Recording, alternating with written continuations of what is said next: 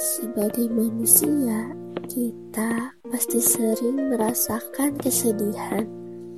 Tak mengapa jika kita ingin menangis, karena kita manusia yang mempunyai hawa nafsu.